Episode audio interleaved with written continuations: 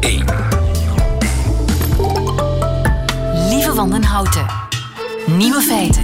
Dag, dit is de podcast van Nieuwe Feiten van woensdag 3 april 2019. In het nieuws vandaag het Nederlandse Muziekfestival dat met drie maanden is uitgesteld omdat op het terrein een zwarte wouw broedt. Het Essential Festival had in juni moeten doorgaan. Maar nu blijkt dat de zwarte wouw haar nest heeft gebouwd op 350 meter van het hoofdpodium. De zwarte wouw is een uiterst zeldzame vogel en het is niet uitgesloten dat hij tijdens een iets te lang uitgesponnen gitaarsolo de biezen pakt en haar broedsel in de steek laat. En dat wil het festival niet op haar geweten hebben. De affiche was nog niet bekend, maar volgens de organisatie blijft ze onveranderd. Alle muzikanten hebben begrip en verhuizen mee. De andere nieuwe feiten vandaag. Een nieuwe uitdager voor Donald Trump. Hij is nog geen 40 en gay. Canada warmt dubbel zo snel op als de rest van de wereld. In Nederlands Limburg is de jacht op de wasbeer geopend. En volgens de nieuwe gezondheidslabels is diepvriesfriet veel gezonder dan gerookte zalm. De nieuwe feiten van Nico Dijkshoorn hoort u in zijn middagjournaal. Veel plezier.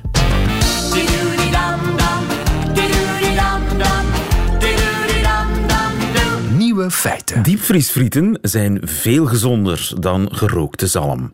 Of toch, althans, volgens de Nutri-score van Magie de Blok. Goedemiddag, Evelien. Goedemiddag. Evelien Mertens, jij bent voedingsdeskundige en wetenschappelijk medewerker aan de Universiteit van Leuven. Minister van Ja. Volksgezondheid Magie de Blok heeft gisteren de Nutri-score of Nutri-score voorgesteld. Een soort van gezondheidsscore voor voedingswaren. Op de verpakking komt een label dat met letters en kleurtjes aangeeft hoe gezond het is. Een A bijvoorbeeld is groen en supergezond. Een E is rood en super ongezond. Allemaal eh, heel goed, maar dat systeem eh, dat begrijp ik eigenlijk niet zo goed. Want diepvriesfrieten krijgen een A, de maximumscore. En gerookte zalm een D, de één na laagste score. Begrijp jij dat? Ja, dat komt dus eigenlijk doordat eh Nutri-score het resultaat weergeeft van een weging van zowel positieve als negatieve eigenschappen van een product. Eh, positieve eigenschappen zijn bijvoorbeeld de aanwezigheid van vezels, eh, terwijl negatieve eigenschappen, ehm, dat houdt in de calorische waarde, het aantal vetten, zoutgehalte enzovoort. Ja, En- vandaar gerookte zalm, vet, geen vezels, neem ik aan. Ja, klopt. Dus wanneer een product veel vetten bevat, zal het automatisch ook een hoge calorische waarde hebben en dus een lagere Nutri-score krijgen. Ja. En ja, zoals u zegt, zalm bevat veel vetten, gezonde vetten weliswaar, Ja. maar heeft een hoge calorische waarde dan bijvoorbeeld die diepvriesfrietjes. Juist, maar, Ehm. maar in, sommige, of in mensen die niet op hun gewicht moeten letten, is dat misschien juist heel gezond, gerookte zalm. Veel eh, vette, vette vis, dat is toch omega-3? Ja, inderdaad. Dus daarom dat ik zeg gezonde vetten. Dus, ehm, maar ja, dus gezonde vetten bevatten, gez- zalm bevat veel gezonde vetten, maar de calorische waarde is hoog. En vandaar dat ook het, dat eh, de Nutri-score ook lager is natuurlijk. Terwijl die frietjes, die bestaan voornamelijk uit aardappelen, eh, wat koolhydraten zijn. En het vetgehalte ligt in die diepvriesfrietjes lager, omdat die nog niet bereid zijn. Die zijn nog Ehm, niet bereid, maar geen mens gaat die toch rauw opeten? Ja, ehm, als je die frietjes bereidt, zal het vetgehalte uiteraard hoog, hoger liggen. Maar eh, ehm, ja, je kunt die frietjes bijvoorbeeld ook eh, op een vetarme manier bereiden, zoals bijvoorbeeld in de oven of de airfryer. Eh, maar de Nutri-score houdt dus geen rekening met de bereiding. Ik vind het wel een beetje verwarrend. Ja, ehm, het is ook een beetje voor de toekenning van die Nutri-score zijn de producten uit hun context getrokken, omdat ze afzonderlijk worden bekeken, terwijl ze eigenlijk deel uitmaken van een volwaardige of een volledige maaltijd. Dus ja, de producten samen, bijvoorbeeld aardappelen, groente, vlees of vleesvervanger, vormen een volwaardige maaltijd. Eh, terwijl die Nutri-score die is eigenlijk berekend op één afzonderlijk product. Ja, want als je dan ziet stek uit de diepvries, dat krijgt een B, dus dat is heel gezond. Diepvriesfrieten een A. Dus als ik vanmiddag stekfriet eet, dan heb ik volgens de overheid een hele gezonde maaltijd bereid. Nee, juist niet, want uh, de Nutri-score wordt dus berekend op een product aan zich. Maar ja, een product uh, dat, dat, vormt op zich geen volwaardige maaltijd. Dus uh, het Nutri-score kan de keuze met betrekking tot een gezonde dagvoeding ondersteunen. Maar het product zelf, dat een A-score krijgt, dat vormt geen volwaardige maaltijd. Tenzij dat je bijvoorbeeld kiest voor ehm, ja, producten die een, een, maalt, een tussendoormaaltijd kunnen vormen. Zoals bijvoorbeeld. Um, Maar een, kan dat een niet tot ongewenste resultaten leiden? Dat mensen allemaal, allemaal dingen met een A kopen en dat dan uh, opeten en, en denken heel gezond bezig te zijn? Want het is een A, het is heel gezond, ik kan er niet genoeg van eten. Ja, qua calorische waarde zal het waarschijnlijk beperkt zijn dan. Als je enkel kiest voor uh, producten met een A-score, ja, dan gaat uh, de calorieinname en de vetinname waarschijnlijk lager zijn, maar dan ga je wel tekorten oplopen van bijvoorbeeld, ja, het lichaam heeft ook gezonde vetten nodig bijvoorbeeld. Het lichaam ja. heeft ook uh, eiwitten nodig, het lichaam heeft koolhydraten nodig om te werken. Ja. dus ja, dan gaat uw, uw voedingspatroon er waarschijnlijk ook heel eentonig uitzien. Dus je moet altijd um, het, de, de beoordeling maken op de volwaardige maaltijd. Ja. En creëert het zo geen vals gevoel van veiligheid op die manier? Um, ja, als, als je spreekt over, over een maaltijd zelf wel natuurlijk, maar um, als je bijvoorbeeld um, de, de Nutri-score kan volgen, allee, ik ben van mening dat het wel een groot voordeel kan bieden bij het maken van bijvoorbeeld de keuzes voor tussendoortjes. Uh, dat zijn eigenlijk kleine maaltijden aan zich. Um, en om een simpel voorbeeldje te geven, een stuk fruit en een koek, die worden meestal afzonderlijk gegeten. Dat zijn geen componenten van een grotere maaltijd. Dus daarom zal de keuze tussen een stuk fruit met een Nutri-score A en een koek met een Nutri-score C veel vanzelfsprekender zijn. En dat geeft dan geen um, vals gevoel van veiligheid. Maar natuurlijk, als je zegt van, goh, diepvriesfrieten die hebben een Nutri-score A, dus ik ga vanaf nu altijd diepvriesfrieten eten, ja, dan ga je sowieso wel tekorten oplopen. Ja, en je moet ook zien hoe je die frieten dan uh, bakt natuurlijk. Bereid, ja, klopt, dat, dus inderdaad. Het, het, Zo'n Nutri-score systeem is geen vrijbrief om te stoppen met nadenken. Nee, absoluut niet. Nee. Ja. Nog eentje. Melkchocolademousse krijgt een C. Is dat niet een beetje te gezond? Een C? Um, goh, ja, dat hangt er natuurlijk ook weer vanaf van de voedingswaarde. Natuurlijk, melkchocolade bevat uh, veel vetten. Um, maar ja, als er bijvoorbeeld ook nog uh, eiwitten aan toe zijn gevoegd, uh, ja, dan, dan ik weet niet op, in welke mate... het weer een beetje. Ja, inderdaad. Dus het is altijd zo'n afweging van de, van de voedingsstoffen in een product. Natuurlijk, als een product, ja, olie, dat bevat natuurlijk uh, 100% vetten. Ja, dat gaat natuurlijk een, een veel lagere score ook weer krijgen. Dus het is altijd een afweging van de positieve eigenschappen van een product met de negatieve eigenschappen ja. van een product. Dus conclusie, het systeem staat op punt. Um, ja, in principe wel, maar uh, het is wel een beetje kort door de bocht. Als je, dus de, de, de manier waarop die Nutri-score wordt uh, berekend, dat, zit, dat, dat, daar is heel goed over nagedacht natuurlijk. Dus ik wil daar ook geen uh, afbreuk op doen aan dat systeem. Maar om, om te zeggen dat je enkel op basis daarvan een volwaardige maaltijd of een volwaardige dagvoeding kan samenstellen, dat is een beetje kort door de bocht. Dankjewel Evelien Mertens. Goedemiddag. Ja, heel graag gedaan. Nieuwe feiten. Radio 1. In uh, Nederlands Limburg is de jacht op de wasbeer geopend. Alle in het wild levende exemplaren die mogen worden afgeknald. Sil Jansen, goedemiddag. Goedemiddag, hoi. Sil Jansen van het Natuurhulpcentrum in Opgelabeek. Um, het zijn mooie dieren, hè, wasberen? Uh, wasberen zijn zeker mooie dieren, hele speciale diertjes ook. Enkel ja, horen ze hier in feite niet thuis, maar ja, ze zijn er. Uh, mooie dieren, want ik probeer er een beeld bij te scheppen.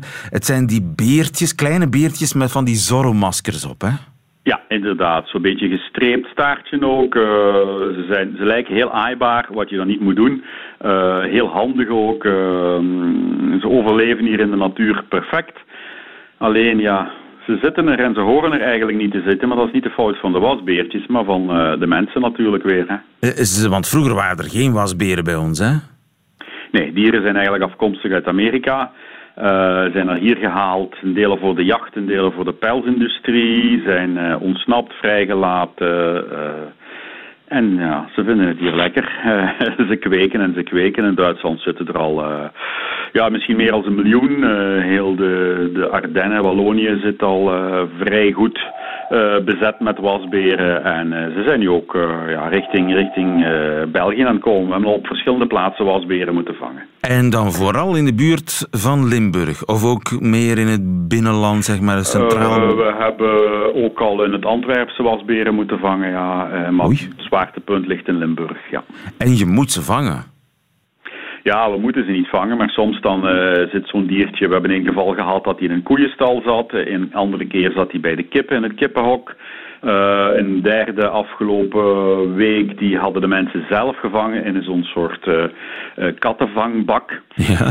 En ja, we gaan ze niet terug vrijlaten dan natuurlijk, dus dan brengen we ze maar mee. En dan wonen ze in Opklapbeek? Dan blijven ze voor ons, bij ons tijdelijk in ons centrum.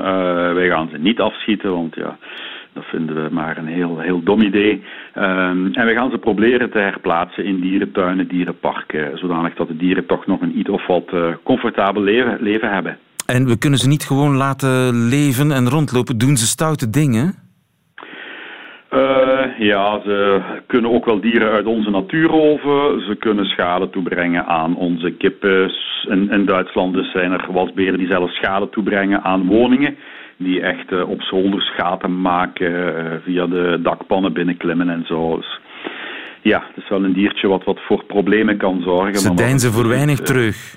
Ze deinzen voor weinig terug, maar ja, ze zijn maar half zo schadelijk als ons mensen, denk ik. Ja, natuurlijk. Maar en zijn ze zeer slim en handig? Het zijn ontzettend handige diertjes. Ja, ze kunnen slotjes openmaken. Ze, kunnen, ja, ze hebben echt bijna handjes waar ze ja, van alles en nog wat mee, mee kunnen. Ze zijn heel erg handig. Ze kunnen heel goed klimmen. Ze zijn ook vrij snel. Uh, ja, het zijn echt wel eh, specialisten in survival hier bij ons. En ze hebben geen natuurlijke vijanden? Uh, ze hebben hier in principe geen natuurlijke vijanden, maar gelijk van alle predatoren zijn de natuurlijke vijanden uh, van dit soort dieren zijn de parasieten en leven ze in functie van voedselaanbod. Uh, veel voedsel zijn veel dieren, weinig voedsel, weiniger dieren. Ja, en wasberen eten die kippen op? Die eten, die eten kip, die eten eieren, die eten vruchten, wortelen, van alles en nog wat zijn eigenlijk ja, alleseters alleseters. Ze kunnen je hele zolder leegpeuzelen, je kippenhok leegpeuzelen. Veel schade aan de landbouw. Dus ze moeten eigenlijk weg. In, in uh, Nederlands-Limburg grijpen ze naar het geweer. Drastische middelen. Ze mogen allemaal afgeknald worden. Dat is de simpelste methode altijd. Uh, dat is, we zullen het doodschieten, dan is het opgelost. Maar het probleem is dat dat niet werkt. In Duitsland zijn ze dat al jarenlang aan het doen. De jager die zegt, het is heel simpel, 10 min 2 is 8. Uh, maar uh, in de natuur zit het iets, iets moeilijker in elkaar. Het betekent dat die acht overgebleven dieren gaan zeggen: Oh, daar is het territorium leeggekomen. En ik ga zorgen voor nakomelingen zodanig dat die die vrijgekomen plek innemen. Dus je hebt er in feite meer in plaats van minder. Dus het is uh, totaal zinloos om te jagen. ja, Absoluut. Uh, jagen is uh, ja, voor mensen die plezier hebben in dieren doodschieten. Maar een oplossing is dat niet. Maar de politiek ziet dat natuurlijk als een makkelijke en goedkope oplossing. Moeten ze zelf niks doen. Maar ja, je, je, hebt, je hebt bijvoorbeeld alle wasberen vernietigd. En het jaar daarop zijn ze gewoon vervangen door nieuwe. Daar komen het Er komen er gewoon meer, ja, inderdaad. Want het zijn territoriumdieren. Zoveel wasberen per vierkante kilometer, zeg maar. Uh, ja, ja, vooral de mannetjes zijn heel erg territoriaal. Uh, de vrouwtjes die zijn iets soepeler in de omgang met soortgenoten. Ja. Als ik er eentje tegenkom, wat doe ik, Sil? Bel ik jou? Uh, ja, je mag het altijd signaleren waar je een gezien hebt. Ehm, maar voor de rest, ja, even van genieten, want het zijn wel leuke diertjes om te zien. Maar ja, we gaan ze meer en meer zien de komende jaren, ben ik zeker van. En ze zijn er om, je kunt ze eigenlijk niet meer, het is te laat, we kunnen ze niet meer uitroeien. Nee, volgens mij is het te laat. Ze zitten er en ze zijn er om te blijven, volgens mij. Sil Jansen, dankjewel. Goedemiddag. Graag gedaan. Dag. Nieuwe feiten. Primeur in Amerika als de jonge presidentskandidaat Pete Buttigieg zijn publiek toespreekt, heeft hij het over het belang van het gezin En hoe die family values al te vaak worden gekaapt door extreem religieuze mensen. En dan zegt hij iets opzienbarends. Luister maar. And in my personal experience, you're most certainly not free if a county clerk gets to tell you who you ought to marry because of their interpretation of their religion. And on that note, uh, let me introduce to you my husband, Chasten, who's in the very back of the room. Overigens mag ik u mijn echtgenoot voorstellen die uh, achteraan tegen de muur staat. Iedereen draait zich om en applaudisseert. Presidentskandidaat Pete Buttigieg. Michiel Vos, goedemiddag. Goedemorgen, goedemiddag, lieve. Ja, ik pik jou uit de gym. Om, uh, om half zeven ochtends in New York zit hij als een ware Amerikaan in de gym, Michiel Vos. ja. Maar hoe, hoe ware Amerikaan is die Pete Buttigieg? Nou... Dat, is een, dat is een ware Amerikaan. Natuurlijk is het opmerkelijk dat hij als openlijk gay, getrouwd met een man, uh, is running for the presidency. Maar hij is ook bijvoorbeeld burgemeester van een klein stadje in Indiana, South Bend, iets boven de 100.000 inwoners. Dat zet hem met twee benen in de modder van de Midwest. Met een man, dus met een, met een, laten we zeggen, een stad die een economische recessie heeft gekend, waar hij als burgemeester in heeft moeten werken en nog steeds werkt. Hij praat ook als een man van, hè, die alles doet als burgemeester, van vuilophaal tot aan het uh, verdedigen tegen overstromingen, uh, de gebruikelijke politie, uh, oorzaken, alles dat hij doet. Hij zegt zelf dat hij meer executive ervaring heeft dan bijvoorbeeld president Trump toen die president werd, of vicepresident Mike Pence, die ooit gouverneur was ja. van datzelfde Indiana in dezelfde Midwest. Want uh, we vergissen ons niet, ter, terwijl het drukker en drukker wordt daar in de gym. Ja. Uh, had je ook niet kunnen voorspellen. Hij is, hij is bepaald geen flamboyante nicht. Hè. Het is, hij is eerder aan de saaie kant met zijn keurig kantoorkapseltje, afgewogen woorden. Het is een oud strijder ook, een voormalige soldaat. Juist. Hij heeft zichzelf ooit vrijwillig ingetekend voor een tour in Afghanistan, in Afghanistan. Dat is opmerkelijk, want hij had een carrière. Hij was Harvard afgestudeerd. Hij is een Rhodes Scholar geweest in Oxford, in Engeland. Hij heeft gewerkt voor McKinsey als consultant. Daar heeft hij hele grote klanten bediend. Uh, het was niet iemand die meteen zou tekenen voor een jaar of een half jaar Afghanistan. Dat heeft hij wel gedaan. Vervolgens is hij uiteindelijk burgemeester geworden. Hij zit nu in zijn tweede termijn. Hij is heel jong, ruim onder de 40. En dat maakt hem allemaal, buiten het feit natuurlijk inderdaad dat hij getrouwd is met een man, een zeer opmerkelijk kandidaat met een idiote achternaam die vloeiend Noors spreekt. Oké, okay, het is een Noorse naam die uh, ja, Buttigieg schrijft, ja, maar je zegt Buttigieg. Ja, Buttigieg. En daar worden ook veel grappen natuurlijk over gemaakt, over die naam en hoe je dat schrijft. Hij zelf verkoopt ook t-shirts waarop staat Boot Edge Edge, zoals iets als een laars rand, rand. Om zeg maar te dichtbij te komen, zo dichtbij mogelijk te komen bij de uitspraak van zijn, ja, inderdaad vreemde achternaam. Maar goed, uh, de Midwest zit natuurlijk vol met Scandinaviërs, of althans mensen die een Scandinavische achtergrond ooit hebben gehad. Ja, nu, het zou natuurlijk geen issue moeten zijn, zijn uh, geaardheid, maar dat is het wel hè, in Amerika nog steeds vandaag. Ja, al moet ik zeggen dat hij daar handig gebruik van maakt. Hè. Bijvoorbeeld, hij had een zieke moeder en zijn man, zijn echtgenoot, mocht bij het ziekbed zijn, omdat hij uh, wordt gezien als familie tegenwoordig in Amerika. In Amerika is het homohuwelijk volledig geaccepteerd en bij wet vastgelegd. Dat kon vroeger niet en dat is een overwinning, zegt hij, van het moderne Amerika. En zo praat hij ook een beetje over Amerika. Hij praat over grote onderwerpen, um, structurele veranderingen. Hij is duidelijk progressief, links. Maar iemand die bijvoorbeeld meer, zou ik zeggen, dan bijvoorbeeld Beto O'Rourke, een andere linkse ster uit Texas, met beide benen duidelijk op de grond staat. En ook gezet is in die ervaring als burgemeester waar je toch een beetje alles moet doen. Ja, ja hij is homoseksueel, maar dat is maar een bijzaak. En je zei het al, hij is wat op het saaie af. Dat geeft hij zelf ook toe. Maar hij zegt hele goede, duidelijke dingen. Werd ook ooit opgemerkt door een toen bijna vertrekkend president Obama, die hem kort ontmoette toen hij nog burgemeester was en Obama op de buurt, in de buurt op bezoek was. En toen werd Obama later gevraagd wie zijn nou eigenlijk de mogelijke leiders van de Democratische Partij in de toekomst. En toen werd deze Buttigieg als een van de weinigen genoemd door die Obama. En dat viel op. En nu neemt hij het dus op tegen een heel veld aan democraten, die veel bekender zijn, meer naamsbekendheid hebben Maar toch doet hij het heel goed en hij haalt ook nog geld op. Wat zeer, hè, iets belangrijk is, vooral in het begin van de voorverkiezingsreed. Hij heeft geloof ik in de eerste drie maanden van dit jaar 7 miljoen dollar opgehaald. Dat is niet slecht voor een man met een naamsbekendheid van, laten we zeggen, bijna nul. Ja, wat verklaart dat geweldige succes? Ik denk als je het zo naar hem luistert en uh, leest over hem, is nogmaals dat hij een man is die duidelijk heeft nagedacht over de grote problemen die Amerika kent. Structureel. Bijvoorbeeld de make-up van de Supreme Court. Dat is een veel te politiek orgaan geworden volgens deze Buttigieg. En dat zeggen heel veel mensen.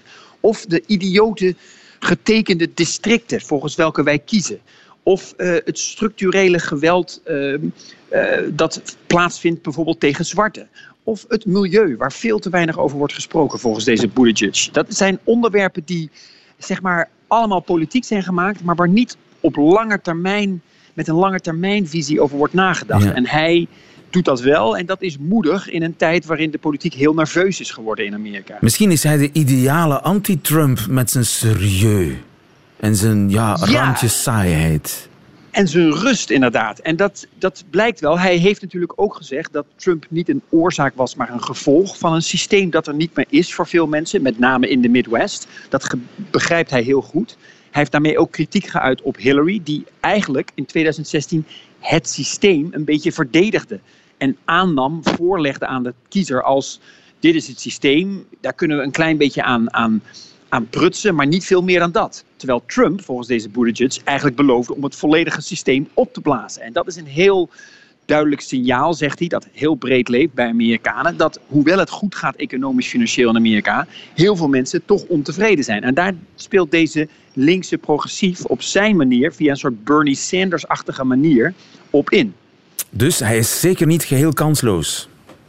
Nee, hoe meer je over hem leest, hoe meer je denkt, deze man staat gewoon met beide benen op de grond, heeft, zou eigenlijk een kans moeten hebben. Of hij het krijgt omdat hij getrouwd is met een man, omdat hij een rare achternaam heeft, dat moet nog maar blijken. Maar goed, Obama was ook een idiote achternaam voor heel veel mensen. Dat was ook ingewikkeld voor veel mensen. De eerste zwarte president. Nou goed, de eerste vrouw hebben we nog nooit gehad, maar de eerste homoseksuele president. Ja, het zou op zich best kunnen. Het kan altijd, opeens is het er dan. Zo is Amerika ook wel weer. Nu al spannend, de presidentsverkiezingen in Amerika. Ga terug op de treadmill, Michiel Vos. Dankjewel. Goedemiddag. Geen dank, lieve. Dag. Nieuwe feiten. Canada warmt veel sneller op dan de rest van de wereld. Dubbel zo snel, bijna. Pieter Boesemaar, goedemiddag. Goedemiddag. Je bent docent klimaat aan uh, Vives Brugge. De gemiddelde temperatuur in Canada is op 70 jaar tijd gestegen met 1,7 graden. 1,7 graden, in de rest van de wereld is dat maar 0,8 graden. Het is de, de Canadese regering zelf die dat heeft bekendgemaakt. Uh, dicht bij de Poolcirkel zou het zelfs al 2,3 graden zijn, die stijging. Ik schrik daarvan. U ook? Nee, totaal niet. Uh, dit is wat we weten dat zal gebeuren.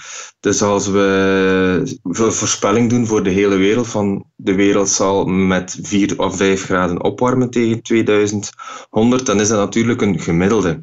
En een gemiddelde, dat spreekt voor zich, dat zal nooit overal op dezelfde manier uh, voorkomen. En we stellen, en dat is gewoon een algemene vaststelling of een wet, hoe verder je van de evenaar gaat, dus hoe dichter bij de polen, hoe meer een opwarming of een afkoeling zich laat voelen. En hoe dichter bij de evenaar, hoe minder de, een opwarming of, of een afkoeling zich laat voelen. En heeft dat te maken met het ijs aan de polen? Uh, er zijn verschillende redenen, maar de, een van de voornaamste redenen is het feit dat er uh, veel ijs zich bevindt uh, rond de polen, zeeijs en landijs.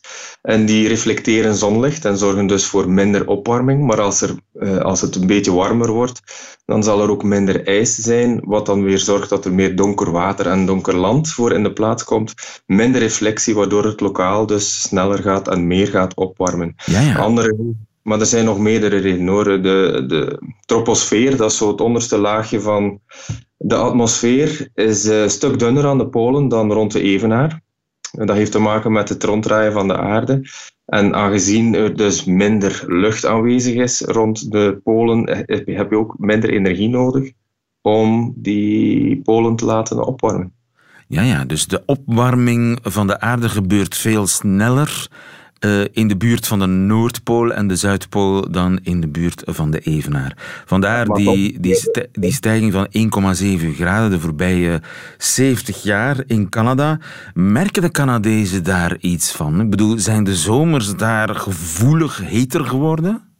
Ik neem aan van wel. Ik heb daar zelf geen, uh, geen idee van, maar het zal wel zo zijn. Hè. Als een gemiddelde nu al 1,7 graden warmer is, het gemiddelde voor heel Canada ten opzichte van 1948, dan zal dat uiteraard een uh, groot effect hebben. Wat ik wel weet is dat ze in Canada de laatste tijd wel meer te kampen hebben met uh, bosbranden, grote bosbranden, ja. dan vroeger. Dus bosbranden, dat zou al een eerste gevolg kunnen zijn van die snellere opwarming in uh, Canada. Maar ik neem ook aan overstromingen, rivieren. Bedoel, 1,7 graden, dat is, dat is een, bij wijze van spreken een, een klimatologische aardverschuiving, toch? Ja, dat is niet onbelangrijk, maar als je ziet wat hen nog te wachten staat. Dus uh, de voorspelling is dat ten opzichte van 1948 het tegen 2100 6,3 graden uh, zal opgewarmd zijn. 6,3, dat is echt gigantisch, hè? Ja, ja, dat is gigantisch. En dat is dan nog afgezet ten opzichte van 1948. Moest het afzetten ten opzichte van 1900, wat we eigenlijk zouden moeten doen, omdat dat zo de, de standaard afzetting is die het IPCC gebruikt in haar voorspellingen voor de wereld. Dan is het zelfs plus 8 graden. Hè. Dat is het idee dat, dat de noordelijke regio's, stel dat de wereld gemiddeld 4 graden zal opgewarmd zijn tegen 2100, dan zal dat voor de poolregio's zoals Canada een opwarming van ongeveer 8 betekenen. Maar dat betekent dat ze in een ander land gaan leven? Dat is absoluut een feit. En wij ook. wij zullen ook in een ander land leven. Maar dat zal overal op aarde zo, zo zijn. Alles zal uh, compleet veranderen. Uh, en dan natuurlijk de effecten op, op, op ijs, planten, dieren uh, zullen immens zijn. En het is dan maar de vraag in hoeverre onze huidige menselijke beschaving, zoals wij die, die kennen, dit heel huid zal overleven. Want de veranderingen zullen zo extreem zijn dat ja, ik vraag me af in hoeverre de mens zich, of toch, de mens zal dat wel overleven, maar in hoeverre onze huidige beschaving, zoals we die nu opgebouwd hebben, dit allemaal zal aankunnen. De mens zal het wel overleven, maar de beschaving niet. Ja, dat is eigenlijk de grote vrees. Want? Wat bedoel je daar kort gezegd mee? Wel, omdat er zijn zo'n aantal stappen die, die je in grote lijnen kan, kan stellen. In eerste instantie, als je bijvoorbeeld kijkt voor onze regio dan, uh, verwachten we dat tot 2050 er nadelen zullen zijn aan de opwarming, maar ook een aantal voordelen. Bijvoorbeeld ons land wordt ideaal om aan uh, wijnbouw te gaan doen, dat is al voor een stuk zo. Uh, onze zomers worden warmer, dus de lokale uh, toeristische sector zal ervan profiteren. Maar zo omstreeks 2050 zullen uh, het aantal klimaatvluchtelingen, zal het aantal klimaatvluchtelingen sterk toegenomen zijn bij ons, maal 10 schat men. en dan zullen ook oogsten wereldwijd gaan mislukken, zo rond de jaren 60, 70 ongeveer. En dat zal dan de voedselprijzen onder druk zetten en dat met een stijgende wereldbevolking. En dat zal de spanningen tussen landen heel sterk doen toenemen. En dan heb je nog allerlei ecosystemen die zullen beginnen wankelen in allerlei regio's. Um, en, en dus is de kans op regelrechte wereldoorlogen zeer groot vanaf 2050. Ja, ja. En dat is, dat is de grote vrees. En dan, ja, je moet die, die veranderingen die het klimaat met zich teweeg zullen brengen zien als een soort katalysator voor toenemende spanning tussen landen, tussen mensen, tussen regio's. En aangezien wij ook over atoomwapens en dergelijke beschikken, ja, dat, dat, zijn, dat zijn scenario's waar je niet te veel wil over nadenken. Nee, daar wil ik absoluut niet te veel over nadenken, want ik moet nog eten. Vanmiddag. Voilà. Pieter Boesemare, toch bedankt voor deze heldere uitleg. In Canada is uh, de gemiddelde temperatuur dubbel zo snel gestegen als in uh, de rest van de wereld. Dankjewel, Pieter Boesemare. Goedemiddag. Nieuwe feiten. Middagjournaal. Beste luisteraars. Wat je de laatste tijd veel hoort, is dat het zo niet langer kan. Je zet de televisie aan, je kijkt vijf minuten en daarna verschijnt er iemand in beeld die vindt dat het zo niet langer kan. En dat kan over van alles gaan. Het kan gaan over het opheffen van een oud spoorlijntje. Of dat de wasmiddelen 6 cent duurder worden. Of er heeft een voetbalteam met 7-1 verloren. Meestal, daar moet ik eerlijk in zijn, zijn het mannen die vinden dat het zo niet langer kan. Vrouwen vinden blijkbaar al heel snel dat het nog wel wat langer kan. Dat zou kunnen komen omdat mannen al eeuwenlang alles verkloten. U herkent dat misschien, vrouwelijke luisteraars. U ziet uw man in de hoek van de kamer met een pot lijm voor zijn neus een bepaalde hobby uitoefenen. Vliegtuigjes in elkaar plakken of zo. En dan hoort hij iets op de radio. En dan roept hij vanuit de achterkamer dat het zo dus niet langer kan. En u, u denkt dan: jij kan niet langer, man, met je groezelige ondergoed en met je zweetpoten in mijn bed. Ik groeide op in een gezin waar alles langer kon. Ik heb mijn vader nooit horen zeggen dat het zo niet langer kon. Ik kom uit een echt arbeidersgezin. Mijn vader en moeder hebben zich al heel snel in hun leven geplooid naar het onvermijdelijke. Zij werkten, ze konden er eten van kopen, wij aten dat op. En daarna werd er weer een weekend gesport. Ondertussen draaide de wereldeconomie gewoon door, zonder dat mijn ouders daarin werden gekend. Toch, luisteraars, zou ik het mijn moeder graag een keer hebben horen zeggen. Het liefst met haar handen in de zij, vlak voor mijn vader, die gedachteloos het huwelijk consumeerde. Zij, mijn moeder, opeens met een koffertje voor hem. Klaas, zo gaat het niet langer. Het zou de boel eens goed hebben opgeschud. Maar luisteraars, dat is nooit gebeurd. Alles kon langer in het leven van mijn moeder. Tot ze eraan bezweek.